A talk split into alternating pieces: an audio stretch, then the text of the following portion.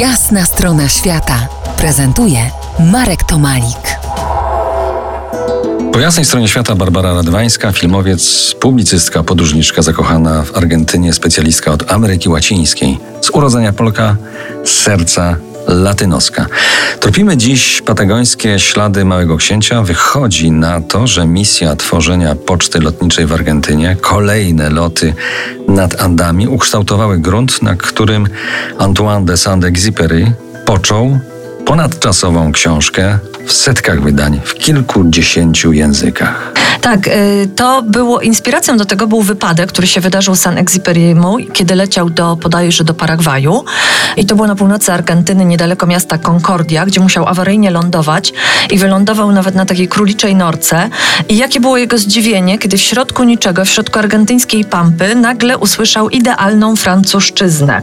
Kto tak I mówił? Właśnie, co się okazało, że to były dwie dziewczynki, dzieci, dziewczynki to były córki emigrantów, które śmiały się z niego, że nie dostrzegł tej króliczej norki i w niej wylądował.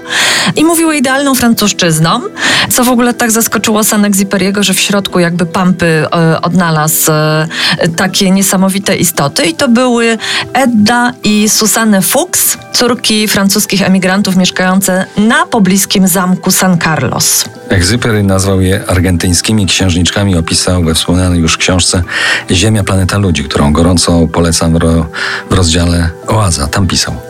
Tak, i nawet przyznał też na filmach, które kręcił dla swojego przyjaciela Jeana Renoira, e, że to one stały się inspiracją Małego Księcia. Obie były blondyneczkami o kręconych włosach, mówiły po francusku, zadawały mnóstwo pytań. E, miały też e, oswojoną żmiję i lisa. Czyli Małe Książę kobietą. Idąc dalej, e, spytam teraz cytatem książ książki Egziperego, co stało się z moimi dwiema wróżkami. Co robią w nowym domu? Jakie je łączą stosunki z chwastami i żmijami? W jaki sposób były związane z całym światem? Podobno y, powstała od nich teraz książka w tym roku. Napisał ją zresztą pochodzący z Argentyny Nicolas Herzog. Małe księżniczki, On też wcześniej, tak, tak, na, tak, nazwał je Małe księżniczki, historia Argentyny, które zainspirowały mojego księcia. Wcześniej też zrobił y, film, dokument Nocny lot, legenda argentyńskich małych księżniczek, wykorzystując właśnie te filmy, które Saint-Exupéry nagrał dla swojego przyjaciela y, Jeana Renoira i pod, widać tam nawet te obie siostry potwierdzające, że to one były inspiracją do mojego księcia i też, że wizyta pisarza naznaczyła ich na całe życie. Na przykład niektórzy przypisują Eddzie romans z pisarzem i podobno ona dlatego nie wyszła nigdy za mąż, pozostając mu wierną do końca życia. Za kilkanaście minut wrócimy do Argentyny Małego Księcia i spróbujemy dotknąć pozostawionych tam bardziej oczywistych artefaktów. Zostańcie z nami po jasnej stronie świata.